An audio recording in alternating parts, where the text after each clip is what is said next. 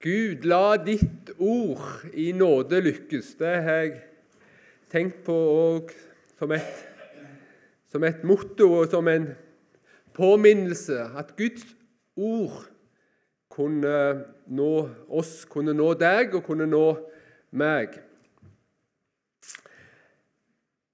I går kveld så um, var jeg inne på biblioteket, og der er det veldig mange eh, gode bøker.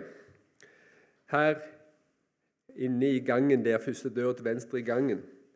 Og Der fant jeg en bok som jeg lette etter, som jeg har eh, hjemme, om en forkynner som har betydd veldig mye i de områdene i Norge som jeg kommer ifra, i Rogaland.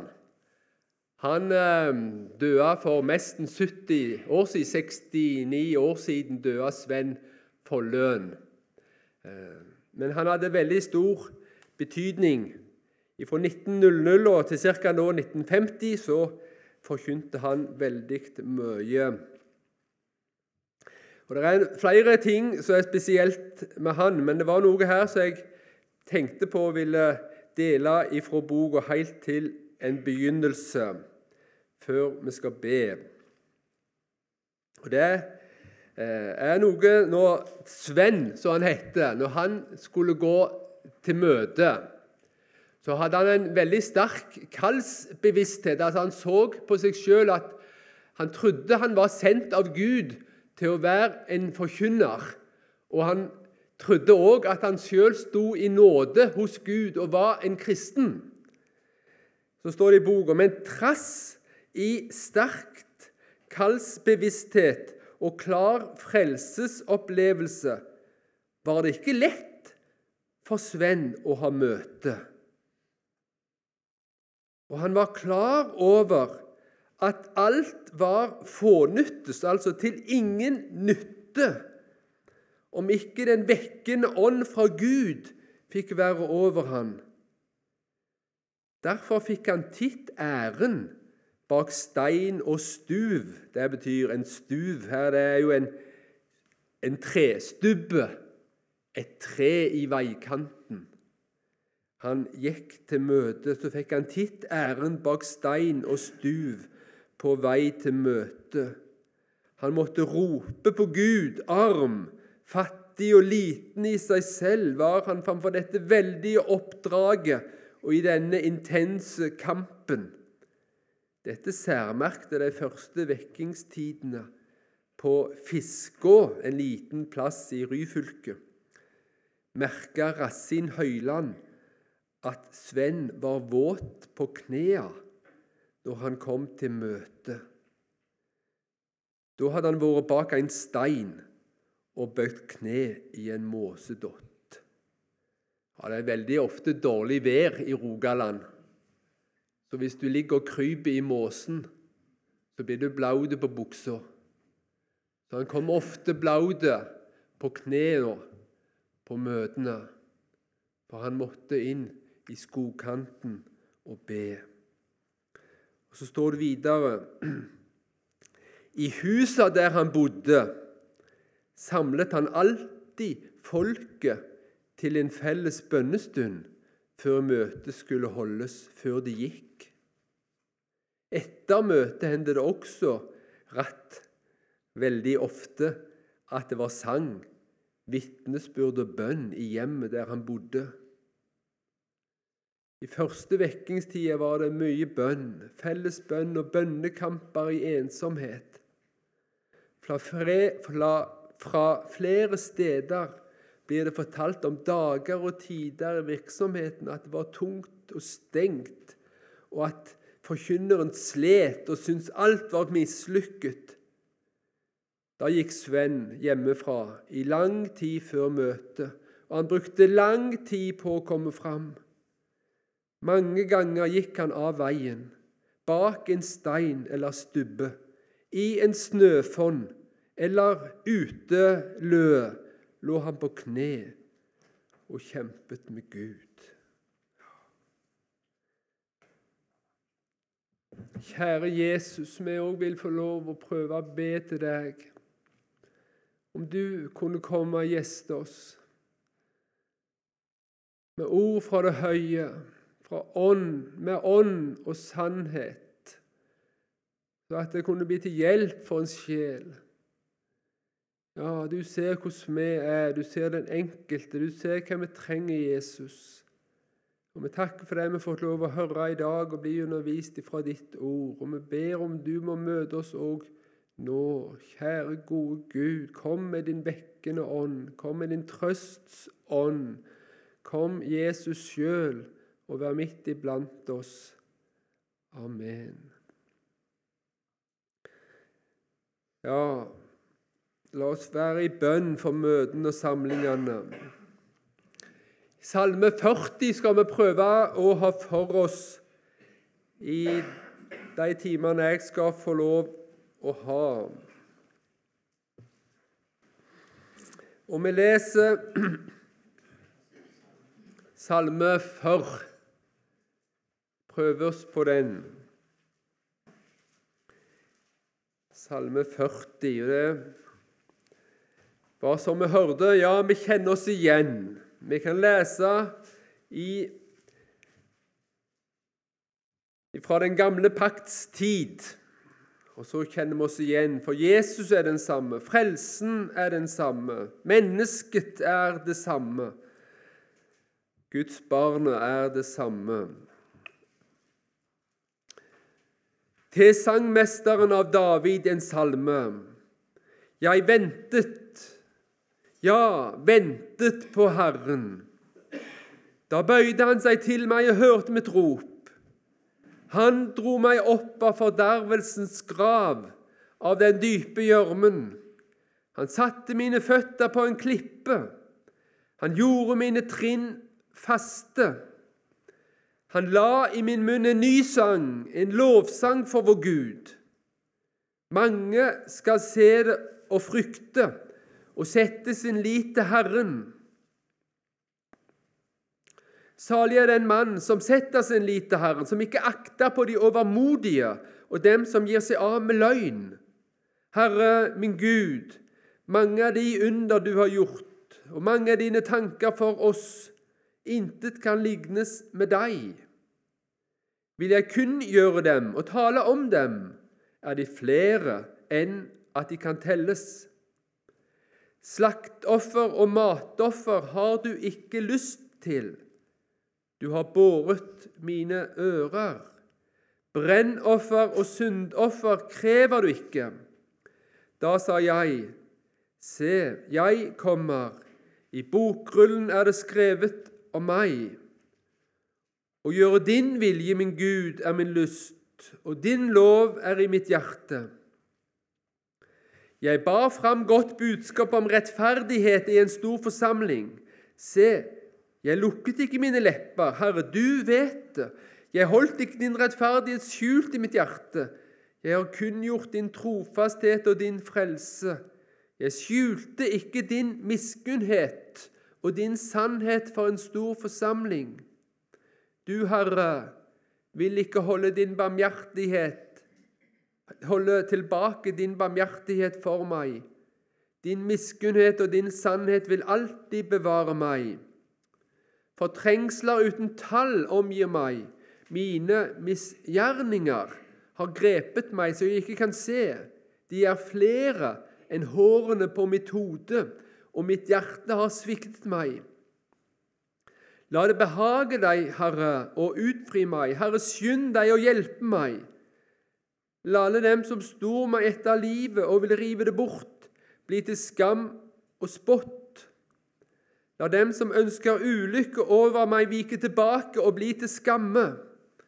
La dem som sier til meg, ha, ha, bli forferdet på grunn av sin egen skam. La alle dem som søker deg, fryde og glede seg i deg. La dem som elsker din frelse, alltid si:" Høylovet være Herren. Jeg er elendig og fattig, men Herren vil tenke på meg. Du er min hjelp og min frelser, min Gud. Dryg ikke. Ja, Guds folk, de er et elendig folk. Og Det òg har jeg tenkt på. De som vi møter på Fossnes, hvis de lever med Gud, så er de et bøyet og et ringe folk. De er elendige folk. De er fattige. De har, de har faktisk talt i seg sjøl ingenting å rose seg av. Ja. Så jeg forventer ingenting av dere. Men jeg vet litt av hva dere trenger. Ja, de som er elendige, de, de trenger masse, de. de. De som er fattige. Og jeg har lært det av noen andre at salige er de fattige i ånden. Og det ordet der 'fattig' Det er visst to sånne fattigdomsbegrep. Det ene begrepet de, Det er jo noen som er så rike, vet du. De får pengene i posten, eller de har spart dem opp gjennom et langt liv. Men noen er så fattige at de må gå på arbeid hver dag for å få penger. Men noen, noen er så fattige at de har ikke en jobb engang. For de kan kanskje ikke jobbe. Ja, Men hva de skal gjøre, da? De må, de må bare tigge, de. Og det er det ordet som er å være fattig i ånden. Det er tiggere. Og Trygve Bjerkreim, en kjent sangdikter i Norge, han sier det eh, Jeg retter to tomme hender. Jeg står som en tigger for Gud. Ja, jeg er elendig og fattig, men Herren vil tenke på meg. Ja. Det er et veldig vitnesbyrd i salmen. Et veldig uttrykk for David, for hva han har opplevd, men òg hvordan han har det i dag, på en måte. Et øyeblikksbilde. Begge de to tingene. Han sier det her i vers 2. Jeg ventet, ja, ventet på Herren. Da bøyde han seg til meg og hørte mitt rop. Han ropte ut, og på dansk tror jeg det står han hørte mitt skrik. Er det sant? Ja. Det, rop og skrik det er jo noe lignende, men det er litt det er jo litt betydningsnyanse òg, iallfall skrik. Det er med å forklare dette ropet. Det er et skrik. Det er et nødskrik. Det er ikke et seiersskrik, et seiersrop at 'Å, jeg er så god. Jeg har kontroll på dette. Dette går veldig bra.' Nei, jeg venter. Jeg venter på Herren. Og Nå har vi allerede vært et par ganger i Jeremia. Og i Jeremia 38 der skal vi ta med oss et bilde som vi skal ha på en måte i bakhodet eh, når vi tenker på David. Jeremia han var jo eh, ca. 400 år seinere enn 38 eh, enn eh, en David. Men det er den samme Gud, den samme frelse. det det samme mennesket. Og Her er Jeremia som møter ytre motstand for sin eh, For sin tjenestes skyld. Han er jo i slutten av, av sin tjenestetid, i slutten av Judas folks historie. Det er jo lenge siden nå at Nordriket gikk unna og ble bortført til Asyria.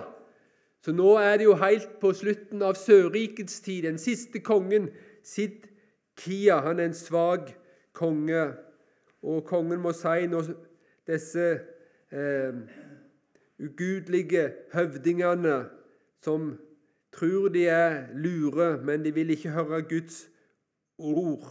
Hvor skulle de da ha sin visdom fra? Så, så um, Jeremia han har fått hard behandling. Han har blitt slått, og, og nå vil de kaste han i en brønn. Eh, Jeremia var jo ung når han var, når han var um, ble kalt til profet. Men Gud sa jo til han, 'Si ikke 'jeg er ung', sa Gud, men det er lenge siden nå. Nå er det 40 år cirka siden.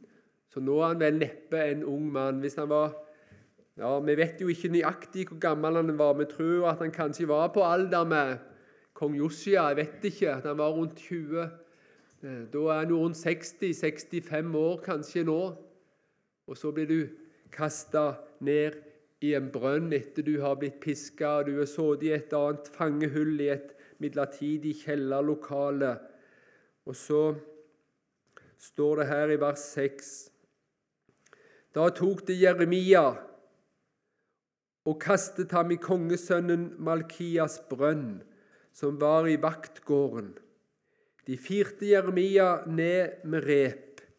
I brønnen var det ikke vann, bare gjørme. Og Jeremia sank ned i gjørmen. Det blir fortalt om Jakobsbrønnen i Samarian ved byen Syker. Jeg har lest at Visstnok eh, kan det være at den brønnen var 40 meter dyp. Jeg vet ikke om det stemmer, men antageligvis har det noe for seg.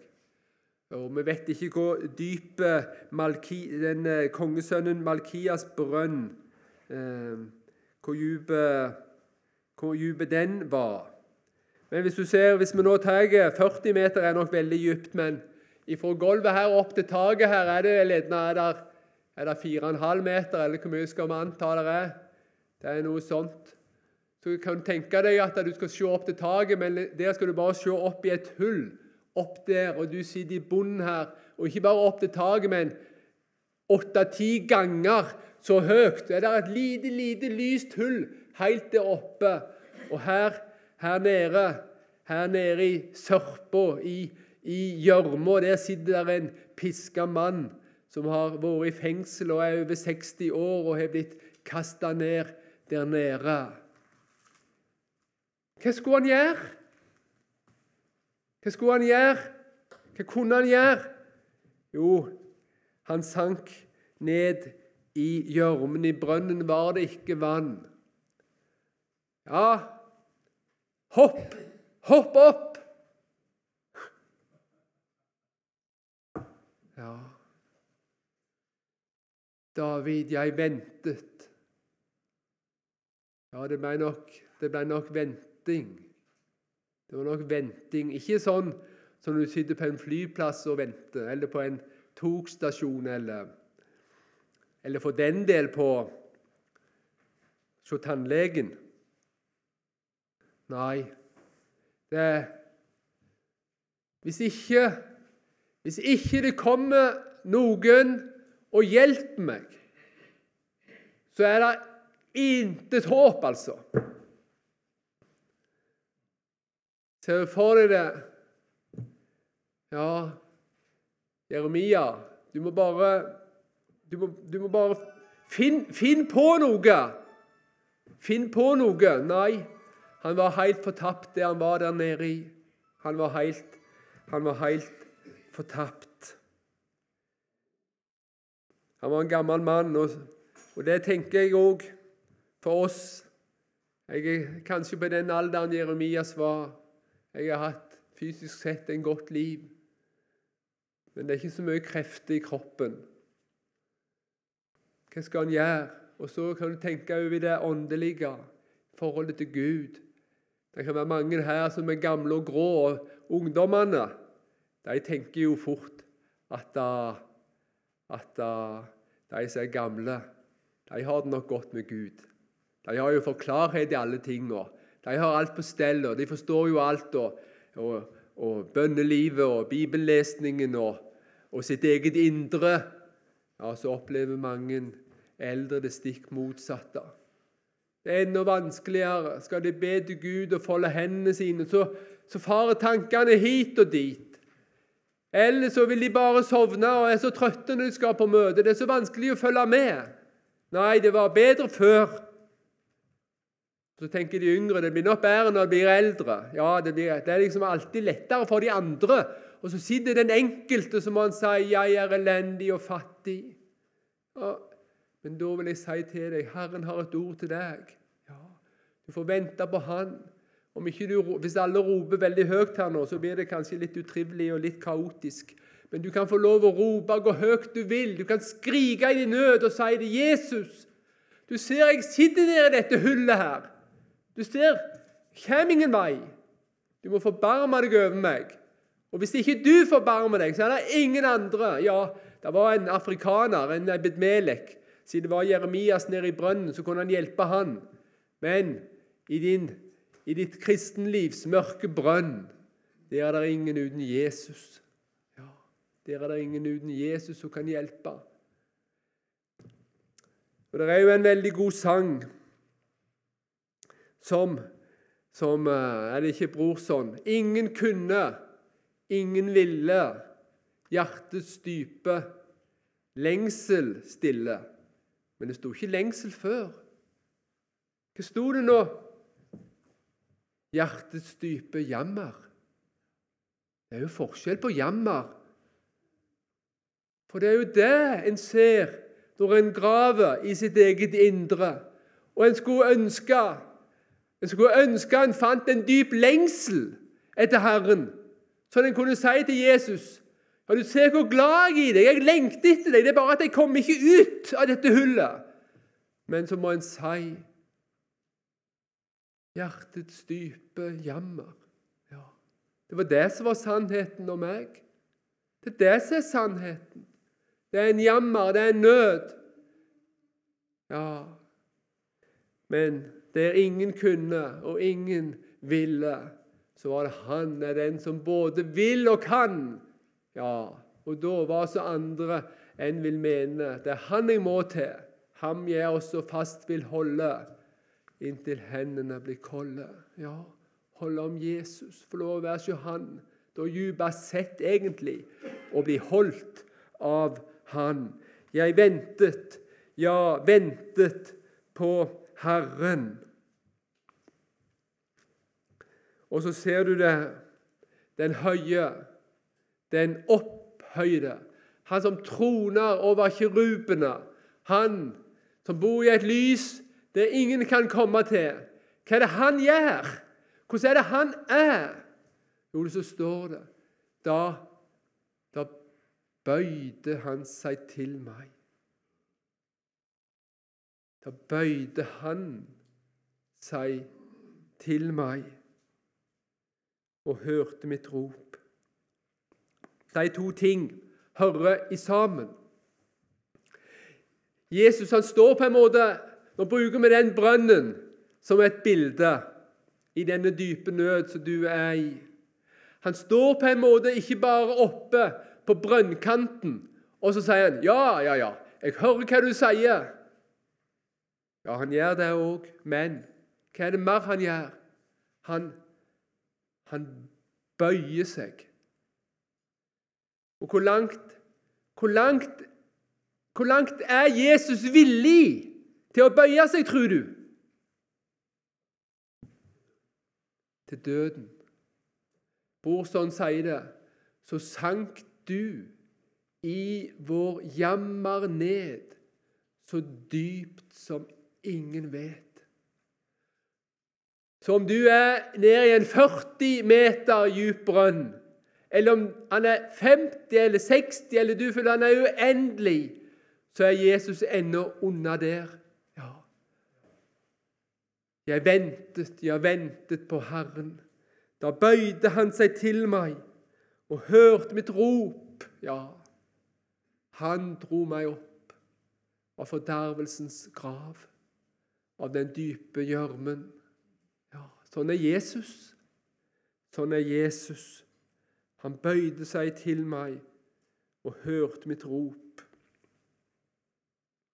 Du har kanskje hørt det, du òg. Jeg har ikke lest boka, men det kom visstnok ei bok ut i 1887 i Norge om en baron fra nede i Europa som heter Munchhausen. Han døde visstnok i 1797. Han var en stor skrønemaker. Har dere hørt om han i Danmark? Munchhausen? Nei? Ok, Sverige. Han kjente i Sverige, han. Ja, Han forteller masse skrøner, og en dag så rei han ut i ei veldig myr med hesten sin. Og Både han og hesten sank jo ned i denne myra. Og om han lokka eller piska på hesten, det nytta jo ingenting. De satt jo bare fast. Og til mer de, de arbeida på, til dypere sank de. Så sier Münchhausen Da tok jeg et godt tak i håret mitt. Og føttene de tok jeg godt rundt magen på hesten. Så løfta jeg både meg sjøl og hesten inn på land. Ja, det kan vi lære over, det må vi bare lære over. Det var vel det som var meninga òg. Eh, det var noen som hadde sett en illustrasjon eh, til salme Jeg tror jeg er blitt fortalt det sånn til Salme 40. Det var en som satt i ei myr. Og han var jo helt Det forstår vi jo. Han var jo helt fortapt. Men til all hell og lykke så var det et tre attmed. Og en av greinene på treet det kom jo så langt bort at hvis han strekte seg litt kraftig, så kunne han få tak i greina, og så kunne han Nei og nei. Hvem har krefter til sånt? Det er jo bare, det er jo bare eventyr. For hva er sannheten? Da bøyde han seg til meg og hørt mitt skrik. Han dro meg opp av fordervelsens grav, av den dype gjørmen. Og så kunne vi spørre hva er denne gjørmen? Og Når vi tenker på Jeremias, så kan vi få ett bilde av gjørmen. Og vi kan lese i Davids historie òg eh, at det kan være vanskelig for en kristen med ytre prøvelser. Det kan være menneskelige fiender, folk som vil oss vondt, folk som vil at vi skal bli dratt vekk ifra Jesus og miste det åndelige liv. Det kan være ytre prøvelser med sykdom, nød i familielivet og så mange ting. Så det er ei side ved saken. Men det er bare en liten prosentdel, vil jeg si. Den største fienden bærer du. Ja, hvor har du den største fienden? Den bærer du Og det er sangeren som sier det. Den bærer du djupt i ditt eget bryst. Den er dypt der inne. Det betyr at det er ikke noe som er lettvint. Det er ikke noe som er Nei, det er en ett med deg sjøl, i din person, i ditt kjøtt. Kjøtt sånn som du er av deg sjøl. Det har jo gått over i den norsk språkbruk i Bibelen. Kjøttet, slik jeg er i meg sjøl. Og Luther har jo lært oss vi er jo 100% kjøtt. Men når du er en kristen, så er du òg 100% et nytt menneske Ja, det er det. Men David han falt òg i ytre synd. Så er du der? Mange kristne faller i ytre synder. Selv de største helgene, våre største forbilder, våre Abraham. Ja, er det ikke uforståelig og Kanskje er det ting vi ikke, og jeg ikke forstår. Men når han kommer til Egypt, og det er forskjellige historier, så akkurat han sender kona si Husker dere det der? For å redde sitt eget skinn. David, han bryter i det ytre. Han slo i hæl det femte bud brutt. Han slo i hæl både Uria Og flere med gikk jo med for at han skulle prøve å skjule sin synd. Han drev hor, det sjette bud. Han stjal en annen manns hustru, sjuende bud. Det var løgn, forstillelse og skuespill, det åttende bud. Han begjærte sin nestes hustru, det niende bud. Dette er en av våre store helter, men ikke fordi Ikke fordi han var syndfri. Men han sier det sjøl. 'Jeg er salig fordi jeg har fått min synd forlatt.' Ja. Og mine synder skjult. Ja. Det er det som er saligheten i mitt liv. Ja. Det er det som er eneste, eneste grunn til at jeg kan på en måte stå oppreist som et menneske og som en kristen. Hva er det? Det er Jesus alene. Det er bare Jesus. Ja. Så fiende er én ting. Fall i ytre synd. Og Derfor vil jeg òg få lov å si det. Om du i dag sitter langt nede i ei hengemyr Du har falt. og Du skal gjøre det opp hvis det er nødvendig med et annet menneske. Men det kan være så vanskelig å tro syndenes forlatelse for det. Det kan være så vanskelig å stille sitt hjerte tilfreds og kunne se Gud like opp i ansiktet og tro det. At får jeg være, får jeg være en kristen? Får jeg lov? Ja, om de andre, du.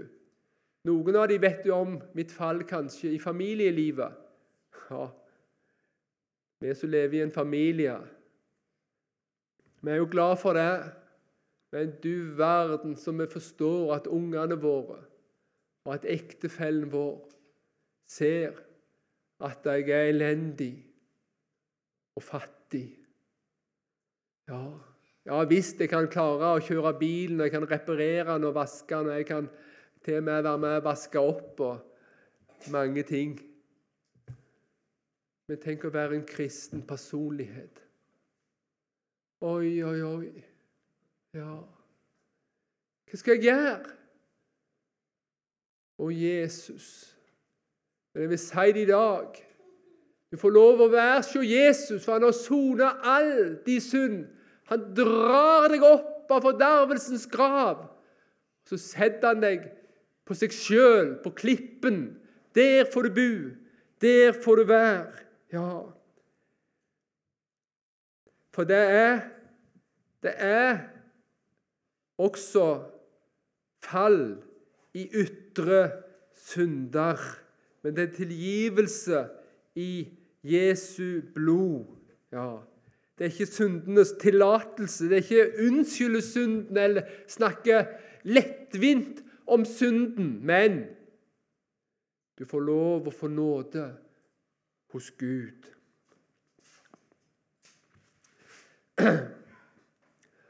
Av og til for hjertets skjulte synd, den kan òg bryte ut overfor andre. og Der tror jeg vi skal ta med litt fra første krønikebok 21, med David. For nå sa vi litt om fiendene, som denne fordervelsens avgrunn, denne dype gjørmen. Denne det å falle i ytre synd. Og så er du hjertets skjulte synd, som likevel fikk store konsekvenser for andre. Jeg vet ikke om du ser det for deg, at hvordan ditt indre hjerteliv kan få påvirke andre. Det er nok mange som har gjort det i familielivet, i sin lyst etter penger eller i sin lyst etter ditt og datt, så har Typisk kanskje Jeg vet ikke om det er sant, jeg sier nå, men jeg tror det har visse sannhetsmomenter med seg at i familien så har ofte far Han har trumfa sin gjerning, sin lyst, sitt hjertets begjær igjennom. Det kan være så mange ting. Hvordan huset skal se ut, hvor de skal på ferie, hvilken bil de skal ha, hvordan de skal oppdra ungene. Det er et utall av situasjoner. Og så er det ofte mannen som har fått sin vilje. Men det har nok gått utover andre, skal jeg bare si deg. Noen har båret det tålmodig, for andre har det blitt uutholdelig. Og her i første krønike 21, da er det David. Og det står her Men Satan sto opp mot Israel og egget David til å telle Israel. Da sa David til Joab og høvdingen i folket, gå av sted og tell Israel, fra Beerseba helt til Dan, og kom så til meg med melding, så jeg kan få vite hvor mange de er. Da sa Joab Her var faktisk Joab. Han var jo en hard, en hard nøtt. Men her sa han måtte Herren legge hundre ganger så mange til ditt folk som de nå er, Herre konge. Er de ikke min Herres tjenere alle sammen? Hvorfor krever min Herre dette? Hvorfor skulle dette bringe skyld over Israel? Ja, han advarer kongen. Dette er stormannsgalskap. Dette er hjertets hovmot. Ja, men kongen holdt fast ved sitt ord og ga ikke etter for, Joab. Ja, Så var Joab hærføreren, generalen, så var han lojal. Så tok da Joab ut og dro omkring i hele Israel og kom så tilbake til Jerusalem. Joab oppga for David det tallet som folketellingen hadde gitt. I hele Israel var det 1100 000 mann som kunne dra sverd, og i Juda 470 000. Men Levi og Benjamin hadde han ikke mønstret sammen med de andre, for kongens ord var en styggedom for Joab. Og så kommer sju. Det som var skjedd, var ondt i Herrens øyne, og han slo Israel. Da sa David til Gud, 'Jeg har syndet grovt da jeg gjorde dette.' Ser du han? Ser du han? Men tilgi nå din tjeners misgjerning, for jeg har gjort en stor dårskap. Ja, han fikk tilgivelse. Men Herren talte til Gad, David ser og sa:" Gå og tal til David og si:" Så sier Herren, tre ting foreligger jeg deg, vel en av dem, så vil jeg gjøre det du vil. Så kom Gad til David og sa til ham:" Så sier Herren, velg nå enten hungersnød i tre år Eller han hadde telt folket, men det var hans hjertets begjær, hans hovmod, hans storhetstanker, hans viktighet på jeget. Og du kan bli så fortørna over folk og deg sjøl. Det er jeg og jeg og jeg. Kjenner du det igjen? Ja. Satan hadde egga David. Ja, Det var jeget som skulle fram. Ja, han var viktig, han David. Nei, du kan velge. Hva vil du velge? Hungersnød i tre år, eller ligge under for motstander i tre måneder? Så du ikke kan komme unna dine fienders sverd, eller at Herrens sverd og pest skal komme over landet i tre dager, og Herrens engel skal volde ødeleggelse i hele Israels rike. Tenk nå etter hva jeg skal svare ham som har sendt meg. Det sa den profeten der, seeren. David sa til Gad, jeg er i stor nød, men la meg helst falle i Herrens hånd, for hans barmhjertighet er stor. Men i menneskers hånd vil jeg nødig falle. Så lot Herren det komme en pest i Israel, og det falt 70 000 mann av Israel. Ja Tenk å være en som i sin storhetstanke om seg sjøl, i sitt hovmod, i jeget, skulle være årsak til 70 tusen menneskers død. Ja. Jeg ventet. Hører du David? Jeg hører han for meg. Jeg ventet, jeg ventet på Herren. Hva tror du han venta på? Hva kunne han forvente, syns du? Ja, Det måtte vel være dom og straff og gru? Nei, da bøyde han seg til meg. Ja, er Gud, er, er, Har Gud et sånt hjerte for synderen? Ja, sånn er Gud. For Jesus skyld alene. Da bøyde han seg til meg og hørte mitt rop. Og det er sant. Han dro meg opp av fordervelsens grav, av den dype gjørmen. Ja, sånn er Gud. for David og for deg. Å, du nåderike Gud. Så får vi si litt mer neste gang, tror jeg, om den siste del.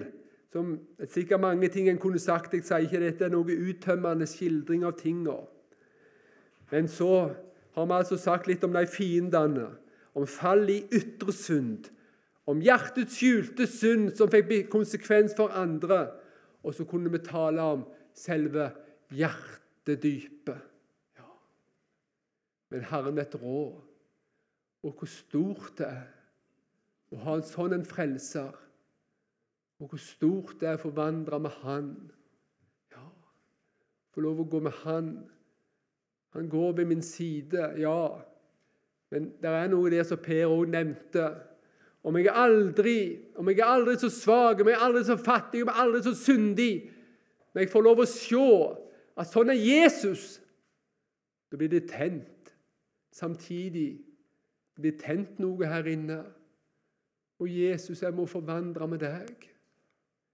Sender du meg dit, så må du bare la meg forstå det, så vil jeg gjerne følge deg. Eller dit. Og ditt ord sier sånn, ja.